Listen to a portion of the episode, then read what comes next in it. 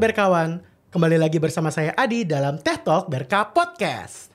Untuk episode hari ini kita kedatangan sekolah coding anak terbesar di Asia Tenggara, yaitu Coding Next. Nah hari ini saya ditemani oleh Bro Ibrahim, itu adalah advanced teacher ya, sekaligus apa kurikulum kreator dari Coding Next.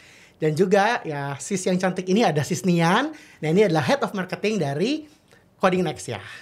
Nah, uh, jadi untuk episode hari ini kita akan gali lebih jauh nih. Sebenarnya Coding Next ini uh, apakah sekolah anak biasa atau sekolah coding ini sebenarnya apa sih gitu ya? Kita akan coba bahas lebih jauh. Kita akan cari tahu nih sebenarnya apa aja yang bisa dipelajari nih dari Coding Next. Dan juga nanti mungkin buat sobat berkawan yang tertarik Nah, jangan sampai stop ya, jangan skip dulu, harus nonton sampai habis. Nah, oke, okay. uh, eh, selamat siang ya. Hai, selamat siang. Selamat siang. nah, Bro Ibrahim sama Sisnian ya, ini dari Coding Next. Ini Coding Next di mana ya tempatnya ya? Uh, kalau kami sih HQ, headquartersnya itu ada di Kemayoran, hmm. tapi kita punya 17 lokasi lain di Indonesia, oh, termasuk jadi, ada di Malaysia. Oh, ah jadi nggak cuma di Indonesia doang ya? Karena berarti udah kelas internasional nih Indonesia nih.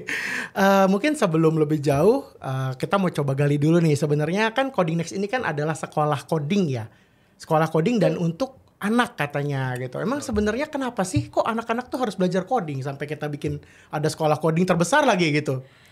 Oke, okay, jadi uh, kita tahu ya kalau teknologi kan selama ini selalu berkembang dengan uh, cukup pesat gitu. Jadi alangkah lebih baik gitu kita bisa membekali anak-anak ini dengan uh, teknologi yang tentunya akan bermanfaat buat mereka di masa depannya. Mm -hmm. Karena kan sekarang apa ya anak-anak kan setiap hari main gadget nggak bisa dipisahin ya kan Betul terus lah. main gadgetnya juga ya terus. main game mungkin tiktokan dan sebagainya hmm. gitu jadi perlu lah uh, untuk membuat mereka itu bisa wise menggunakan uh, teknologinya kalau coding next sih bilang kenapa anak harus belajar coding tuh ada tiga alasannya hmm. jadi alasan yang pertama itu adalah coding tuh ternyata terbukti. Ini terbukti nih risetnya Coding Next selama uh, kita dari tahun 2017. Jadi bisa meningkatkan prestasi anak di sekolah. Jadi directly itu kemampuan matematikanya, kemampuan uh, presentasi skillnya, logical thinkingnya, bahkan bahasanya itu jauh lebih baik. Nah yang kedua itu tadi yang ku sebutin kalau anak suka main game, main gadget, maka hmm. kita bisa membuat mereka lebih wise untuk menggunakan teknologinya. Dan yang terakhir, uh, coding itu dia punya banyak uh, fundamental skill yang bisa dipelajari dan itu bermanfaat buat mereka di masa depan. Dan gak harus jadi programmer, hmm. bisa jadi apa pun, mau jadi apa, entrepreneur, mau jadi dokter, mau jadi apa pun kan basicnya disupport ya sama teknologi dan juga disupport sama fundamental skill yang lain gitu. Jadi ya itulah kenapa anak harus belajar coding sejak dini. Gitu. Ya, jadi ternyata penyebab penyebabnya juga bukan hanya sekedar karena coding ya, karena kan kalau kita dengar coding nih susah ya. susah tuh nggak tuh relatif ya tergantung anaknya juga. Tapi kan banyak ya istilahnya mungkin buat generasi yang sebelumnya gitu ya, sebelum sebelum zaman era uh, mobile sosial media itu kan ya yang namanya coding dibelajarin di pas lagi udah kuliah gitu atau mungkin uh, ada mungkin juga sobat berkawan yang mungkin pas SMA udah belajar coding gitu. Terus pas belajar juga anak-anak kan anak-anak SMA gitu kayak apa sih udah huruf doang isinya gitu ya. Terus juga eh, salah salah salah kenapa? enggak coding ternyata enggak huruf doang nih. Nah, nah ini nih, nih expertnya Soalnya nih, kan gitu kalau zaman kita dulu nih hmm. belajar coding kan taunya huruf doang nih. Yeah. Sekarang kita mikir coding buat anak. Anak dijejelin huruf gitu kan. nah, itu tuh itu yang mau aku tanya nih. Emang okay. gimana caranya ngajarinnya? Kan anak kecil ya ampun disuruh baca buku sekarang nggak ada gambarnya nggak mau disentuh kan? gimana coba? Yeah, nah, nih okay. ada solusi apa nih dari coding next? Ya, jadi uh, tadi itu uh, saya bilang stereotype ya. Stereotype hmm. bahwa coding itu hanya berupa uh, tulisan atau kita sebutnya script gitu ya. Hmm. Tapi ternyata uh, enggak juga gitu. Gimana kalau anak itu mau belajar coding, dia sedangkan katakanlah belum bisa baca tulis ya, hmm. ya kan di usia paling kecil gitu, misalkan 4 tahun. Nah, ada solusinya yaitu kita menggunakan visual programming. Hmm. Visual programming sesuai dengan namanya, uh, uh, codingnya itu berupa visual. Implementasinya berupa blok-blok program yang disusun dan uh, susunannya itu harus benar sehingga menghasilkan uh, uh, end resultnya yang pas sesuai dengan uh, tujuan dari coding itu apa misal uh, buat game, aplikasi atau mungkin animasi. Nah seperti itu. Jadi jawabannya pakai visual programming. Ya karena kan intinya kan kalau program ya itu kan kita belajar logiknya gitu. Ya saya tahu saya juga dulu kebetulan mainnya di dunia situ gitu oh, waktu iya. kuliah.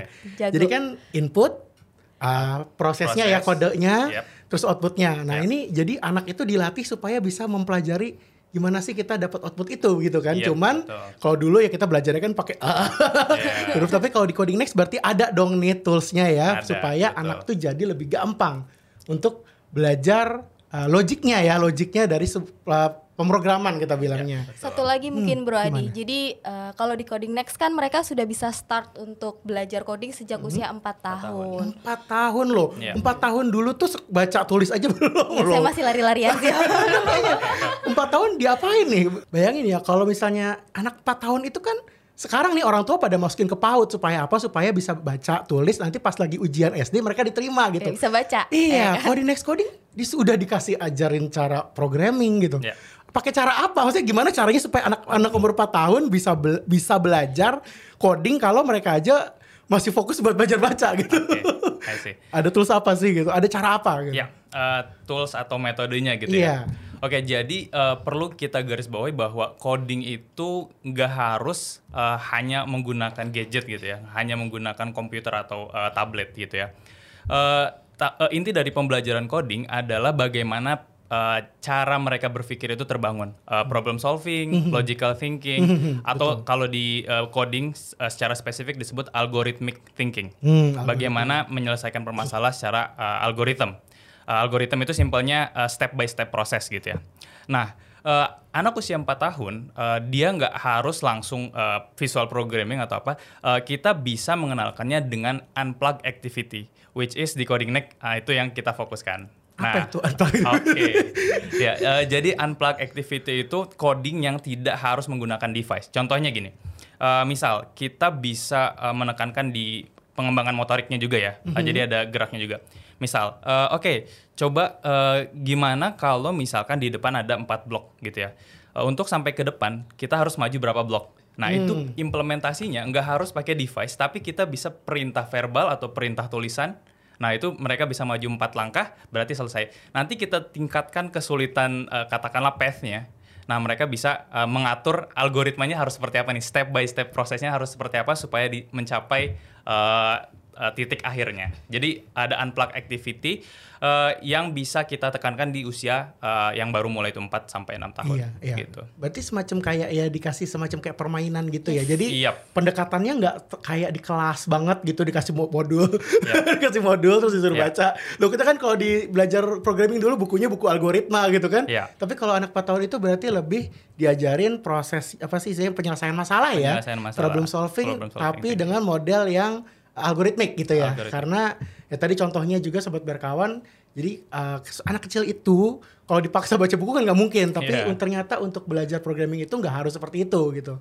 Okay. Tapi bisa pakai yang motorik juga, pakai aktivitas yang uh, ya mengarahkan ke sana memang yeah. ya gitu. Oke, okay, ada tambahan nih Bro hmm, Adi. Gimana gimana? Uh, jadi uh, tadi kan unplug activity ya, hmm. itu hanya salah satu salah satu contohnya aja. Uh, untuk uh, selain unplug activity ada juga misalkan kita gunakan board game. Hmm. Nah, board game itu misalkan uh, banyak board game yang uh, dia melatih problem solving dan logical thinking dari anak. Misal uh, ada board game yang dinamakan Three Little Piggies ya. Yes. Di Coding Next salah satunya kita pakai itu. Uh, jadi uh, kalau uh, Bro Adi tahu nih, mm -hmm. uh, Three Little Piggies kan uh, gimana caranya tiga babi kecil itu mm -hmm. uh, mempertahankan rumahnya, rumahnya itu kan dari ya, serigala ya. Dari serigala. Nah, itu ada board gamenya oh. dan dari board gamenya itu e, digunakan atau diajarkan kepada anak gimana cara mereka menyelesaikan dari satu board game itu ada banyak challenge yang bisa dikombin. Hmm. Nah jadi activity-activity semacam itu yang bisa kita tekankan gitu ya untuk uh, siswa-siswa yang baru mulai di uh, tahun sampai enam tahun itu. Untuk yang selanjutnya uh, tentu ada naik levelnya lebih naik lagi. Ya, udah bisa baca lah ya, yeah, ya. Udah, kasih, udah bisa dikasih modal ya. Tapi kalau yang empat tahun ini aku bingung nih empat tahun ini yeah. Berarti next coding nggak hanya eh coding next ya. Eh, coding next. Uh, itu nggak cuma sekedar ngurusin orang yang udah bisa belajar kode. Yeah. Karena biasanya yang namanya sekolah programming online-online terutama gitu ya minimal kan harus bisa baca. Yeah Nah, ini Nggak harus. Ya, kayak paut. Iya, kayak paut. kayak paut tapi pautnya udah ke arah sana ke gitu arah ya. ini betul. jadi uh, apa sih emang sebenarnya ekspektasinya apa sih kalau misalnya orang tua nih gitu ya. Ah saya pengen anak saya nanti in the future uh, pengen jadi programmer misalnya yeah. atau oh kayaknya dia bak bagus nih kalau misalnya dibelajarin coding karena kan coding lagi ngetren banget nih ya yeah, terutama betul. di era sosial media dan aplikasi kayaknya mungkin udah mulai banyak orang tua atau anak-anak bahkan cita-cita saya pengen jadi programmer gitu. Iya. Terus Sekarang kan udah era AI Iya, udah ya. era ke situ. Jadi AI juga kan butuh coding yang cukup Iya, advance juga gitu. betul. Jadi teknologi maju, orang tuanya juga mindsetnya mulai maju. Iya. Nah, tapi memang sebenarnya uh, apa sih yang biasanya orang tua expect gitu? Kalau misalnya naruh anak di sekolah coding karena kan beda dong ya sekolah coding sama sekolah biasa gitu. Kalau sekolah biasa Hmm. mungkin belajarnya ya maaf nih gitu. Uh, baca, baca listung, jangan listung, tahu dong Calistung, listung. iya. Tapi kalau di coding next pasti ada yang lebih dong yang di expect dari orang tua. Nah ini apa sih biasanya yang orang tua cari dari coding next? Nah coding next punya apa gitu? Ada dua sebenarnya. Hmm. Yang pertama tuh technical skill. Technical skill. Ya, tentu coding teknis ya. nih bahasanya. Teknis nih. Iya. Oh anak kecil teknis. Misalnya eh, kayak modul yang paling baru kami sudah ada artificial intelligence untuk AI chatbot dan Hmm. juga face recognition itu anak-anak usia 12 sampai 16 tahun sudah bisa bikin itu. Kalau yang anak-anak kecil biasanya masih coding stories jadi bikin cerita, Oh. bikin game. Aku gitu. sampai takut loh mbak. Kalau sampai chatbot for kids tuh. Waduh. Ternyata enggak ya. Jadi yang chatbot itu untuk 12. 12 sampai 16. Ya kayak SMP lah ya SMP. Ya, karena Tapi advance ya. Iya, tapi kalau yang di bawah tadi untuk apa? Untuk yang di bawah itu Nah, yang di bawah itu nanti eh, mereka akan buat project-project. Hmm. Jadi pasti setiap akhir modul. Jadi di eh, Coding Next itu mereka untuk mempelajari satu modul pembelajaran, satu apa ya, course iya, gitu satu ya. course, course. Itu butuh waktu kurang lebih sekitar 20 pertemuan.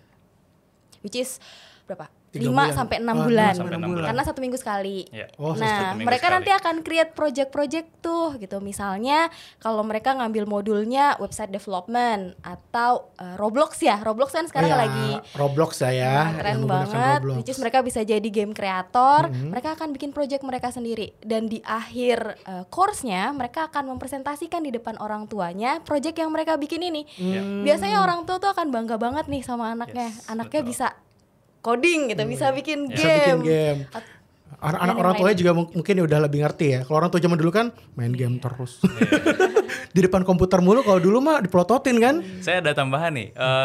Se- se- karena saya sebagai eh, advanced teacher juga dan saya sudah eh, apa namanya eh, men- menjalani sesi PTC kita sebutnya di akhir sesi itu PTC Parent Parent- Teacher Parent Conference. teacher conference. Nah, eh, jadi ada testimoni dari orang tua langsung eh, dan saya juga ngedengarnya bangga gitu ya sebagai teachernya gitu. Eh, orang tuanya bilang "Eh, selama ini anak saya cuma main game aja dan saya nggak nyangka dia bisa sejauh ini ngedevelop gamenya sendiri, Hmm. pakai coding yang scripting, eh, pakai bahasa Python. Oh, sudah gitu. pakai Python. Yes. Nah orang tuanya dia menyatakan kebanggaannya progresnya sedemikian jauh dari uh, pertemuan pertama sampai pertemuan ke-20 mereka Itu presentasi. satu course. Ah, satu course, satu modul, Sampai bisa betul. bikin game dari Ya, Python. betul. Uh, modulnya itu uh, Python Arcade Game Development dan orang tuanya menyampaikan langsung dan itu bukan hanya satu orang tua, ya kurang lebih senada ya. Uh, Satu satu inilah ya, satu angkatan lah ya ada Iya, oke. gitu. Oh, gitu. Jadi uh, yes itu sangat-sangat uh, mendevelop skill anaknya dan ketika di present ke orang tua orang tuanya juga sangat-sangat bangga gitu. Itu yang pertama, technical skill. technical skill. Nah, Jadi yang karena kedua, orang tuanya jadi happy ya karena Iya. anaknya Iya, iya. punya skill teknis yang ya at least ada hasilnya gitu ya dan hasilnya kelihatan loh. Saya juga kalau punya anak yang kayak gitu pasti happy lah. Orang Real, kerja. hasilnya Iya, real, orang hasilnya real lihat karena gitu. beneran dipresentasiin ke orang tua Iya. Yes, gitu. betul. Jadi orang tua lihat lihat ada sesuatu perkembangan teknikal tadinya dia nggak bisa bikin sekarang dia bisa bikin sesuatu. biasanya bikin. main. Nah, biasanya Doang. main. Sekarang dia bikin sendiri Ya. dan itu uh, proses ya progres lah. Yap. Tuh tuh, sebelum lanjut ke nomor 2 itu umur berapa? Apa tuh sorry? Ah, yang tadi yang Python class itu untuk umur berapa? Oh, untuk untuk umur 12 sampai 16. Oh, berarti SMP ya Ah, kelasnya SMP, ya. iya, oh, saya kira anak SD. Anak SD masih pakai visual sih. Ah, visual banget ya. Ya iya. Roblox tapi itu SD ya? Eh, Roblox bisa 8 Oh, sampai itu 8 masih tahun. SD. Tapi 8 kalau yang 12. Python kayaknya SMP lah ya. Python SMP. SMA.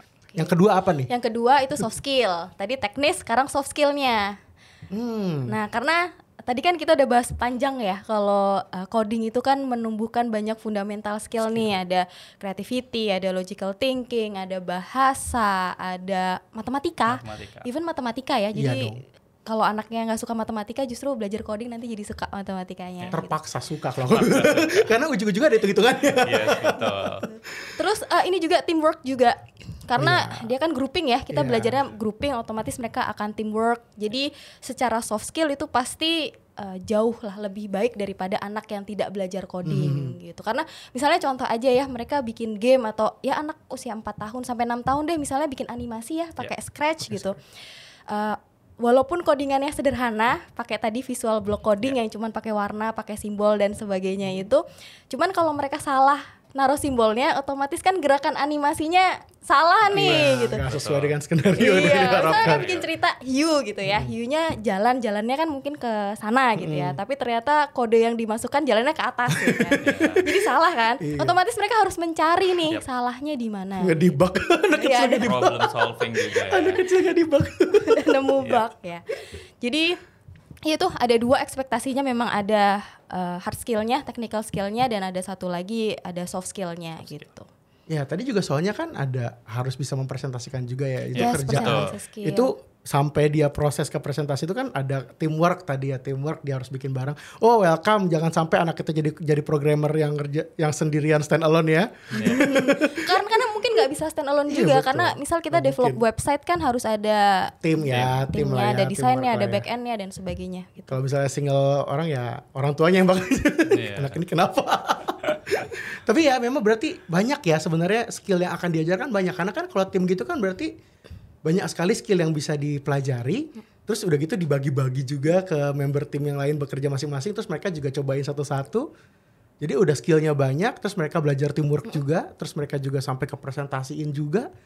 Sebenarnya banyak sekali gitu proses yang mungkin dilewatkan sama orang sama anak-anak gitu ya. Kalau mereka cuma ngandelin uh, traditional school gitu sebenarnya karena skillnya banyak banget yang bisa diperoleh dari sini. Sebenarnya uh, mungkin kalau ingin diskusi lebih lanjut nih mm -hmm. kan kalau anak-anak setiap usianya tuh perkembangannya beda-beda. Mm -hmm. Misalnya anak usia 4 sampai 6 tahun pasti harapan orang tua beda nih sama anak yang usia 8 sampai 12 tahun gitu. Nah, kami udah bikin pathway-nya. Mm. Jadi uh, ini baru sih sebenarnya dari coding. Sebenarnya udah kita jalankan dari lama tapi kita nggak announce dan uh, officially announce gitu kalau kita punya child development plan right. namanya. Mm -hmm. Jadi kita membuat pathway supaya orang tua tuh nggak bingung. Pertama nggak bingung ketika sekarang teknologi tuh ada banyak banget kan, ada AI, ada robotics, ada website, ada IoT dan yeah, sebagainya. sekali, ya. Anak saya umur segitu, misalnya punya anak umur tujuh tahun harus belajar dari mana? Apa yang harus dipelajari itu kita udah bikin pathway-nya jadi misalnya anaknya start di usia 4 tahun start usia 8 hmm. tahun start usia 12 tahun it's okay oh start belakangan pun bisa okay, gitu ya gitu. bisa kita ya? udah bikinin gitu apa uh, modul yang paling tepat untuk mereka yang sesuai dengan usianya jadi orang tua nggak usah bingung lagi dan nanti Uh, setiap soft skill dan hard skillnya kan akan beda-beda nih hmm, outputnya. Betul. Itu kita udah taruh tuh, kita udah kasih uh, tahu lah orang tua bahwa umur 4 sampai enam nanti yang akan di develop ini, ini ini ini jadinya gitu. bisa ini gitu hmm. ya. Gitu. Itu banyak banget sih kalau dibahas di sini kayaknya sehari nggak nggak kelar. Karena pasti uh, karena tadi kebutuhannya juga beda-beda ya dan tapi next, uh, coding next sudah punya plan untuk kebutuhan yang beda-beda itu semua. Yes gitu. Sudah jadi uh, ya paling enak sebenarnya ngontak kami terus nanti dijelasin sesuai dengan usianya sesuai dengan gitu. usianya. jadi memang spesifik sesuai dengan kebutuhan si anak gitu. Oke. okay ini berarti Codinex sudah ready ya. Jadi mau anak mulai dari mana pun, Bisa. mau anak dari kebutuhan macam apa pun udah ready karena sudah punya plan yang tadi apa namanya child, child development, development plan. plan. Jadi sobat berkawan gak usah ragu. Uh, misalnya anaknya udah telat, aduh udah 12 tahun nggak apa-apa, tetap udah ada plan dari Codinex yeah. ya. Kalau misalnya start terlambat atau mungkin baru jadi tapi pengen buru-buru nih, jangan-jangan satu tahun udah udah di planning gitu ya. tapi tetap start dari empat tahun ya. Start bisa start dari empat tahun. Dari empat tahun ya, sobat dari kawan tunggu dulu. Kalau misalnya baru satu tahun, tiga tahun lagi gitu ya, jangan langsung buru-buru dimasukin. Tapi telat-telat itu paling ada nggak sih? Paling telat umur berapa nggak ada? Ada nggak? Uh, nggak ada sebenarnya. Jadi kalau coding next itu kan provide untuk umur 4 sampai 16, 16 tahun. tahun. Jadi mau masuk umur berapapun di range itu bisa mau asal range-nya sampai range itu ya, 16. 4 sampai 16 gitu. Ya. Jadi emang karena sekolah coding untuk anak, anak. ya yang sudah spesialis di situ tentunya. Nih, ini ini ya uh, pertanyaannya sedikit geser nih. Emang sebenarnya kalau anak paling kecil, ya kita kan orang udah baik apa sobat berkawan ini banyak yang udah umurnya mungkin range-nya nggak anak-anak juga gitu. Tapi kita pengen tahu emang nih ya kalau kita punya anak masih kecil tertarik buat belajar programming. Sebenarnya apa yang kita mesti ajarin ke, ke mereka? Bahasa pemrograman apa atau apa namanya? Uh, teknik apa sebenarnya mesti diajarin ke mereka? Yang buat yang paling kecil dan okay. yang paling gampang digunakan buat pemula lah intinya okay. gitu. Oke, uh, ini toolsnya kurang lebih. Iya, ya? toolsnya. Oke, untuk uh, usia 4 tahun tadi ya uh, kita tekankan uh, nggak harus di tools atau nggak harus pakai device langsung. Hmm. Jadi uh, lebih banyak di unplug activity. Jadi activity yang tidak menggunakan device. Tapi bukan berarti nggak pakai device sama sekali gitu. Hmm. Nah, moving on ke usia 6 sampai 8, nah itu kita mulai pakai tools atau pakai aplikasi katakanlah. Nah, aplikasi yang bisa digunakan ada Scratch Junior namanya. Scratch iya. Junior. Bro Adi tahu Scratch? Hmm, nggak familiar. Okay. Generasi tua. Generasi tua. Oke. Oke, okay. okay, jadi Scratch itu dia uh, buatan MIT, tahu ya MIT ya? oh, ya? ya, MIT. Nah, yes. Oke, okay, nah itu millions of user, usernya jutaan di seluruh dunia dan dia bahkan sudah dijadikan uh, platform untuk kompetisi coding. Hmm. Nah, Cuma Scratch itu dia untuk usia yang katakanlah uh, lebih tinggi ya dari bukan yang usia 4 tahun sampai 6 yeah, tahun bukan. Nah, bukan. Scratch Junior itu versi simplify dari Scratch. Hmm. Nah, jadi disesuaikan user interface-nya disesuaikan dengan uh, ya lebih pola fun. penalaran anak-anak itu lebih, lebih fun, fun, lebih simple. gitu ya. Scratch Junior ya. Yes. Jadi kalau misalnya uh, ada orang tua yang mau coba introduce, yeah. uh, ya, anaknya nggak umur 4 ya, tapi mungkin yeah. tadi 6 start dari 6 uh, ya. Start dari 6. Eh, mungkin kami ini loh uh, apa free trial dulu. Oh, free trial. Iya, jadi Uh, enggak enggak free nih free, free biasanya free. lebih menarik free. karena gini nggak uh, bisa anak tiba-tiba datang terus mau masuk dalam kelas gitu kan nggak nggak gitu nggak gitu konsepnya gitu. sebenarnya free trial nggak cuman free-nya aja mm-hmm. tapi kita pengen mengenal anak ini kemampuannya sudah sampai mana hmm. sudah pernah belajar coding atau belum sebelumnya terus karakter anak belajarnya tuh gimana kan ada yang aktif ada yang tidak aktif ada yang macam-macam uh, sebenarnya free trial ini bermanfaat ya buat orang tua yang pengen tahu anaknya itu bisa belajar apa aja dan belajar di coding next cocok gitu ya. Iya, cocok nggak belajar coding mm-hmm. dan tentunya ini juga dari sisi coding nextnya itu untuk menggali lebih jauh potensi si anak ini yeah. dan level knowledge-nya dia gitu ya supaya kita bisa taruh di course yang tepat di plan yes, itu. Betul banget. Jadi sobat berkawan kalau misalnya punya anak yang pengen ya minat belajar coding, bingung karena di sekolah nggak ada programming gitu ya biasanya. Yeah. Walaupun ada mungkin dikasihnya modul, anaknya bisa mabok duluan gitu. Kalau kami nyebutnya sebenarnya bukan free trial, mungkin umumnya free trial. Kami yeah. nyebutnya free first class. Nah, Jadi kelas gratis ya. pertama gitu. Jadi sobat yeah. berkawan kalau memang pengen coba, pengen tahu gitu ya kalau bisa sih anaknya ada engagement lah sama dunia coding gitu ya. Mungkin bisa hubungi uh, coding next nih untuk coba ikut first classnya itu ya. Yeah. dan itu free ya first classnya ya? Free pasti free karena nyoba dulu kan. Takutnya kan ya biasanya kan ada ya assessment yang berbayar gitu. Karena kan hitungannya assessment ya berarti ya kita assess anaknya kan. Sama mungkin hmm. kalau pengen tahu anak-anak tuh biasanya bikin project apa aja sih hmm. gitu. Kayak tadi scratch mungkin kalau cuma dengerin kita ngobrol kan nggak yeah. kebayang gak tahu, tuh itu kayak apa, apa sih, gitu nanti bisa cek di YouTube-nya coding, coding next, next. coding hmm. next gitu aja. Hmm search di YouTube di situ kita punya uh, beberapa video-video project dari anak-anak gitu. Mulai dari yang pakai Scratch yang pakai Roblox yang website dan sebagainya gitu. Jadi udah ya istilahnya ada toolsnya ada. Uh, dari Coding Next juga sudah nyediain first classnya buat assessmentnya gitu ya. Jadi sobat berkawan nggak usah ragu kalau misalnya ada plan nih uh, mau mau nih anaknya masuk ke dunia coding cita-cita terserah lah ya. Pokoknya sebenarnya nggak ngaruh ke cita-cita kan mau jadi apa, aja. apa aja. Karena kita mengembangkan logical thinkingnya dia, Betul. mengembangkan gimana punya ya banyak lah soft skill dan technical skill yang bisa didapat gitu.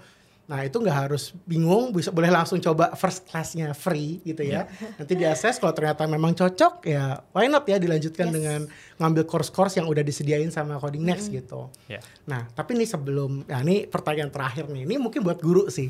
Okay. Bukan buat uh, Sisnian nih, tapi okay. buat Bro Ibrahim nih. Oke. Okay. Nah ini kalau misalkan uh, Bro Ibrahim ngajar anak umur berapa? Uh, saya advanced teacher jadi di usia 12 sampai 16. Ya 12 sampai 16 masih yeah. adolescent lah ya, anak-anaknya masih agak sedikit mischievous kadang-kadang gitu. Yeah. Nah biasanya nih anak-anak itu suka bikin apa sih di anak anak umur segitu? Kan udah project sendiri kan mereka okay. kan? nah itu suka bikin uh, apa sih mereka? Oke, okay. uh, bikin apa sih tergantung dengan modul yang mereka ambil ya. Mm -hmm. Misal uh, mereka ambil Python. Nah uh, untuk Python kita end resultnya berupa aplikasi desktop, aplikasi, aplikasi GUI. Desktop? Yes, GUI. Oh. Uh, misal mereka ambil course Python uh, arcade game development ber berarti end resultnya adalah game. game. Jadi mereka ngedevelop game dari awal, ngebuat map, uh, hard coding. Hard coding means mereka yang ngedesain satu persatu. Satu yes. persatu. Uh, kalau website berarti website. Jadi tergantung dengan uh, modul apa yang mereka ambil gitu. Jadi untuk end resultnya seperti itu. Umur 12 sampai 12 sampai 16. 12 sampai 16 sudah bisa bikin game. Yes. Cuman modul 20 modul. Uh, 20 pertemuan. 20 pertemuan. Ya. Dari nggak bisa bikin game sampai jadi yes. 20 pertemuan. Betul. Nah, ini berarti itu jadinya ya. Nah, Jadi. tapi challenge-nya nih buat teacher okay. nih. Challenge-nya biasanya apa sih ngadepin anak-anak umur okay. segitu nih? Yeah. Karena jujur ya, kita ngoding. Ngoding pernah pasti yeah. semua pernah ngoding. Yes. Debugging eh, itu kan susah ya kita ngetik salah atau yeah. apa gitu ya terus kita harus ngedebug itu kan text time yeah, betul. nah kalau anak umur segitu biasanya bikin salahnya kayak apa sih? Yes, ya betul. Eh, nggak uh, mungkin programmer itu nggak menemukan bug itu. di program. itu sebuah kemustahilan. itu dia. Nah jadi uh, memang betul. Uh, kita harus uh, sebagai teacher ya, ketika bug itu mereka temukan atau ketika programnya tidak berjalan sesuai dengan yang uh, diinginkan hmm. gitu, uh, kita harus mengencourage mereka bahwa uh, bug itu memang normal gitu. Tugas kita adalah uh, keep calm yang jelas pertama, uh, mulai assess ini dari mana mulai menganalisa nah di situ uh, kemampuan problem solving mereka, analytical thinking mereka akan sangat-sangat hmm. terasa. Saya lihat langsung student saya. Uh, Oke, okay, kamu nemunya di mana nih masalahnya? Nah nanti dia mulai mengakses satu-satu. Oh dari sini aman, nggak apa-apa. Dari bagian ini juga nggak apa-apa. Oh mulai dari bagian ini ada error berarti. Nah ber ber baru mereka di problem solving. Jadi Masa. gitu. Jadi memang bug itu problem. Nah tugas kita sebagai teacher ya harus mengencourage mereka untuk uh, bisa menyelesaikan itu sih. Jadi anak umur 12 tahun rata-rata masih salah ngetik ya? Uh, ada ada salah ngetik betul. Pas itu paling banyak salah ketik atau ada salah logik biasanya? Uh, salah ngetik. Salah ngetik. Salah ngetik. Kalau logik mereka udah kebangun juga. Biasanya udah kebangun ya. Yeah. Salah ngetik tuh sampai tua. yes, betul. itu luar biasa betul. banget sih karena kita nggak uh, kebayang sih dulu anak kecil masih main di lapangan, sekarang mereka bikin game. yes, betul. ini sobat berkawan ini sharing yang luar biasa banget ya. Kita dari awal uh, kita udah banyak banget nih belajar tentang uh, bagaimana sih kita bisa membuat anak-anak kita itu mungkin tadinya nggak tahu apa-apa tentang coding gitu ya. ya. Awam banget, mungkin orang tua juga mungkin awam. Ya tapi dengan uh, imbas ya sekarang teknologi sosial media, ya game juga sekarang nggak kayak zaman dulu. Dulu kan orang game hanya untuk orang-orang tertentu, sekarang yeah. semua orang terpapar gitu ya. Yep. Terus ternyata juga ya walaupun anak kecil kita awalnya tukang main game, terus mungkin mereka jadi minat ya sama dunia-dunia hmm. aplikasi game Betul. gitu ya ya mungkin orang tua juga jadi pengen ah saya pengen deh anak saya karir di situ atau mungkin at least bisa mempelajari sesuatu dari situ karena kan ini goes dengan teknologi ya Betul. Uh, teknologi pasti datang terus dan coding next sudah siap nih buat bantu sobat perkawan yang pengen anaknya uh, belajar lebih jauh tentang perkodingan dan ternyata ya bukan cuma teknik skill yang didapat nih jadi Betul. bukan cuma bisa coding tapi juga soft skill, soft skill. Ya. sama satu lagi oh, mungkin sebelum nih? di closing ya yeah. berarti aku pengen ngasih info ke berkawan nih hmm. kalau coding next itu memacu improvement dari siswa kita punya kompetisi-kompetisi oh. jadi kayaknya sayang kalau dilewatkan dan nggak saya yeah. sampaikan hari ini gitu mm -hmm. jadi kita punya kompetisi tahunan uh, National Coding Competition untuk anak-anak tahun lalu sudah kita laksanakan pertama kali namanya Code the Earth pemenangnya dapat summer camp di US dapat sama Jadi ini uh, eh, CSR-nya Coding Next yeah. ya. Jadi free maksudnya free. silakan kompetisinya. Oh, jadi harus harus di Coding Next jadi umum boleh join? semua Nggak boleh ikut. Yang penting umurnya umur Coding Next ya. Ya, umurnya range-nya kita udah umurnya udah range punya yang tadi. Kemudian pendaftarannya gratis, uh, hadiahnya juga enggak fantastis. Fantastis Sama ya. loh, ke US loh ke US. gitu. Kemudian uh, kalaupun belum pernah belajar coding sebelumnya tetap bisa ikut kompetisi ini. Hmm. Karena uh, kompetisinya panjang biasanya dari hmm. awal tahun sampai pertengahan tahun oh, dan di bukan, bukan lomba gitu ya tapi kompetisi panjang ya iya jadi ada, ada tiga tahap ada tiga tahap ada stage hmm. 1, stage 2 dan stage 3 di mana nanti uh, dari Coding Next akan ngasih free coding class buat oh. yang belum pernah belajar coding sama sekali jadi nggak cuma sekedar ada kelas berbayar doang nih ya yep. di Coding Next ya tapi juga ada kompetisi sobat berkawan yeah. jangan sampai lewatin sih kalau menurut nah. aku nih kapan kompetisinya ada lagi? Mungkin ada pertanyaannya. Tahun ini sudah berjalan. Kemarin kami baru selesai finalnya di awal Juni. Yeah. Jadi uh, kalau tahun ini hadiahnya summer camp ke Singapura. Deket, tapi nggak apa-apa lah ya, tetap free. Dan dan satu lagi nggak cuma summer camp, tapi kompetisi kami tahun ini kan namanya Code the Ocean. Jadi hmm. berubah-berubah nih, oh, Code the Earth, Code the Ocean. Berubah. Tahun depan kita tunggu code apa ya? Nah, kompetisi ini alhamdulillah tahun ini dibawa ke level Asia. Jadi hmm. ada Code di Ocean tingkat Asia. That's why itu ada di Singapura. Jadi pemenangnya akan lanjut ke tingkat Asia. Oh, jadi tadi yang Code yang ke, yang dikirim ke Singapura itu buat lomba lagi, buat kompetisi lomba lagi. Kompetisi oh. lagi. sekaligus ada summer camp juga di sana. Uh, jadi summer camp sekaligus lanjut ya, ya. tahap selanjutnya. Oh. Gitu. Dan itu berlangsung, saya udah ditutup juga pendaftarannya karena berlangsung di akhir uh, Juni ini kita bekerja ya. sama dengan Marshall Cavendish mungkin kalau pernah dengar publisher uh, buku pelajaran ya. anak Kemudian kita nanti ada lagi uh, minggu depan akan kita informasikan di sosial medianya Coding Next. Jadi uh, stay tune aja di Instagram kami. Itu ada iCode, iCode competition ya. Jadi ini juga keren kompetisi codingnya, yeah. ada dashboardnya, ada platformnya, kayak main game nggak berasa kompetisi dan ya silahkan untuk diikuti. Itu kompetisi paling dekat. Jadi yep. harus mulai follow Instagramnya Coding Next yeah. ya. Kalau misalnya nggak mau kelewat. Instagram aja atau ada yang lain? Instagram ada, YouTube ada, LinkedIn ada, TikTok ada, semuanya boleh di follow. Pasang semua ya.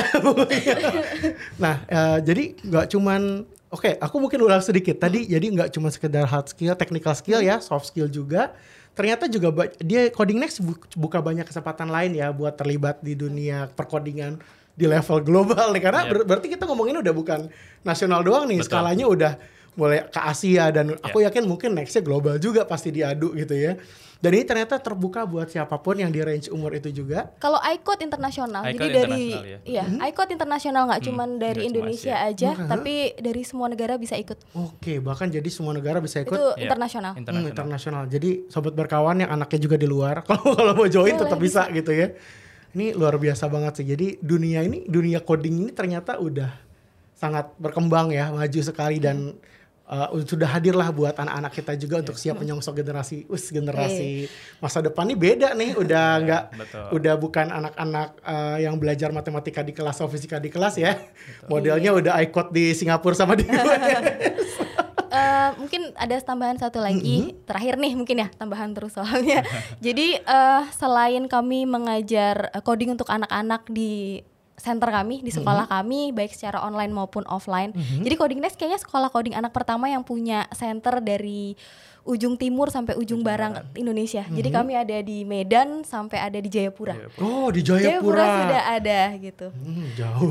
Kalau coding pertama ya di Jayapura ya. Sekolah coding ya. pertama di Jayapura. Itu punya punya bener ada fisikal? Yes, saya grand opening di sana. Saya datang ke sana.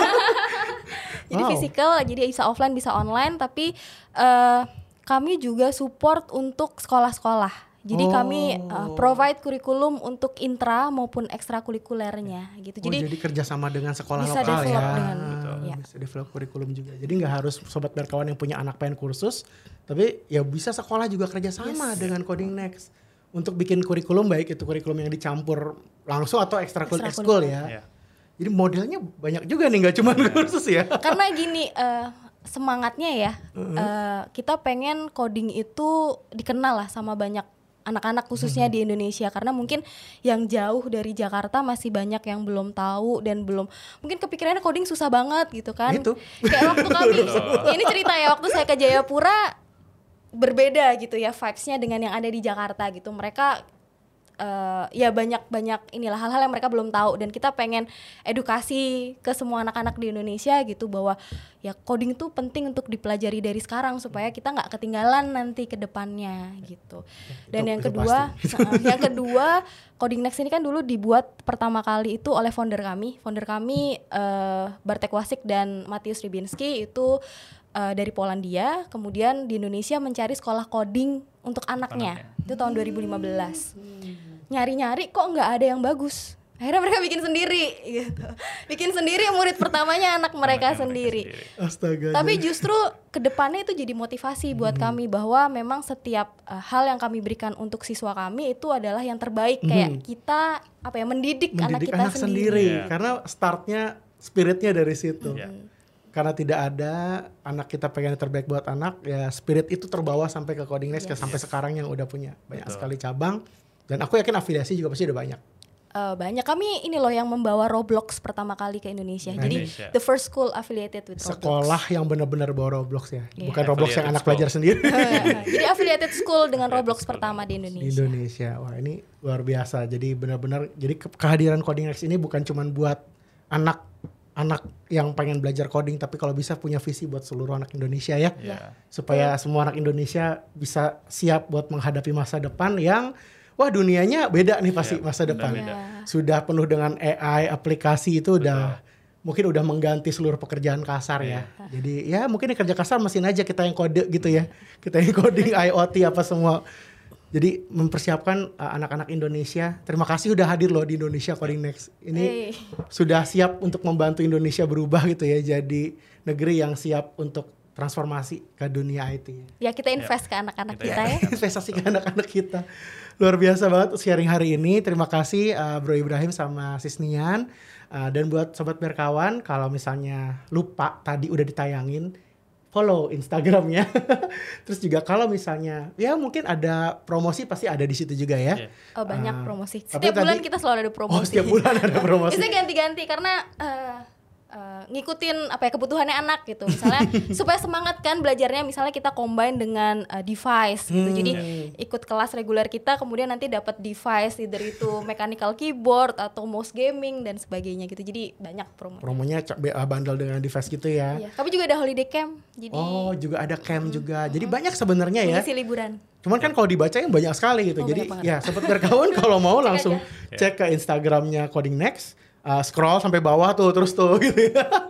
Tapi nggak sih kalau pusing ada nomor telepon yang bisa dihubungi juga atau email ada. mungkin? Jadi uh, ke Instagram aja. Nanti mm-hmm. kan di Instagram ada link di bio. Mm-hmm. Jadi uh, klik aja link yang ada di bio. Nanti di situ ada kontak kami, ada WhatsApp, ada sign up kalau misalnya mau dihubungi ya, dan sebagainya. Soalnya kan nggak semua orang tua pengen nge-scroll ya. iya, jadi link di bio aja di situ iya, banyak. Pasti pengennya iya. langsung direct nih kalau ada email atau telepon kan lebih enak. Tapi ada ya di Instagram bio. Ada. ada. Jadi startnya dari Instagramnya ya. Coding Next dulu. Nah, jadi sekian dulu episode Teh Talk Berkapetkas hari ini dan oh ya sebelum kita tutup jangan lupa nih buat sobat berkawan yang belum Jangan lupa untuk klik like, comment, dan subscribe. Dan kita akan ketemu lagi di episode Teh Talk Berka Podcast selanjutnya. Bye. Bye.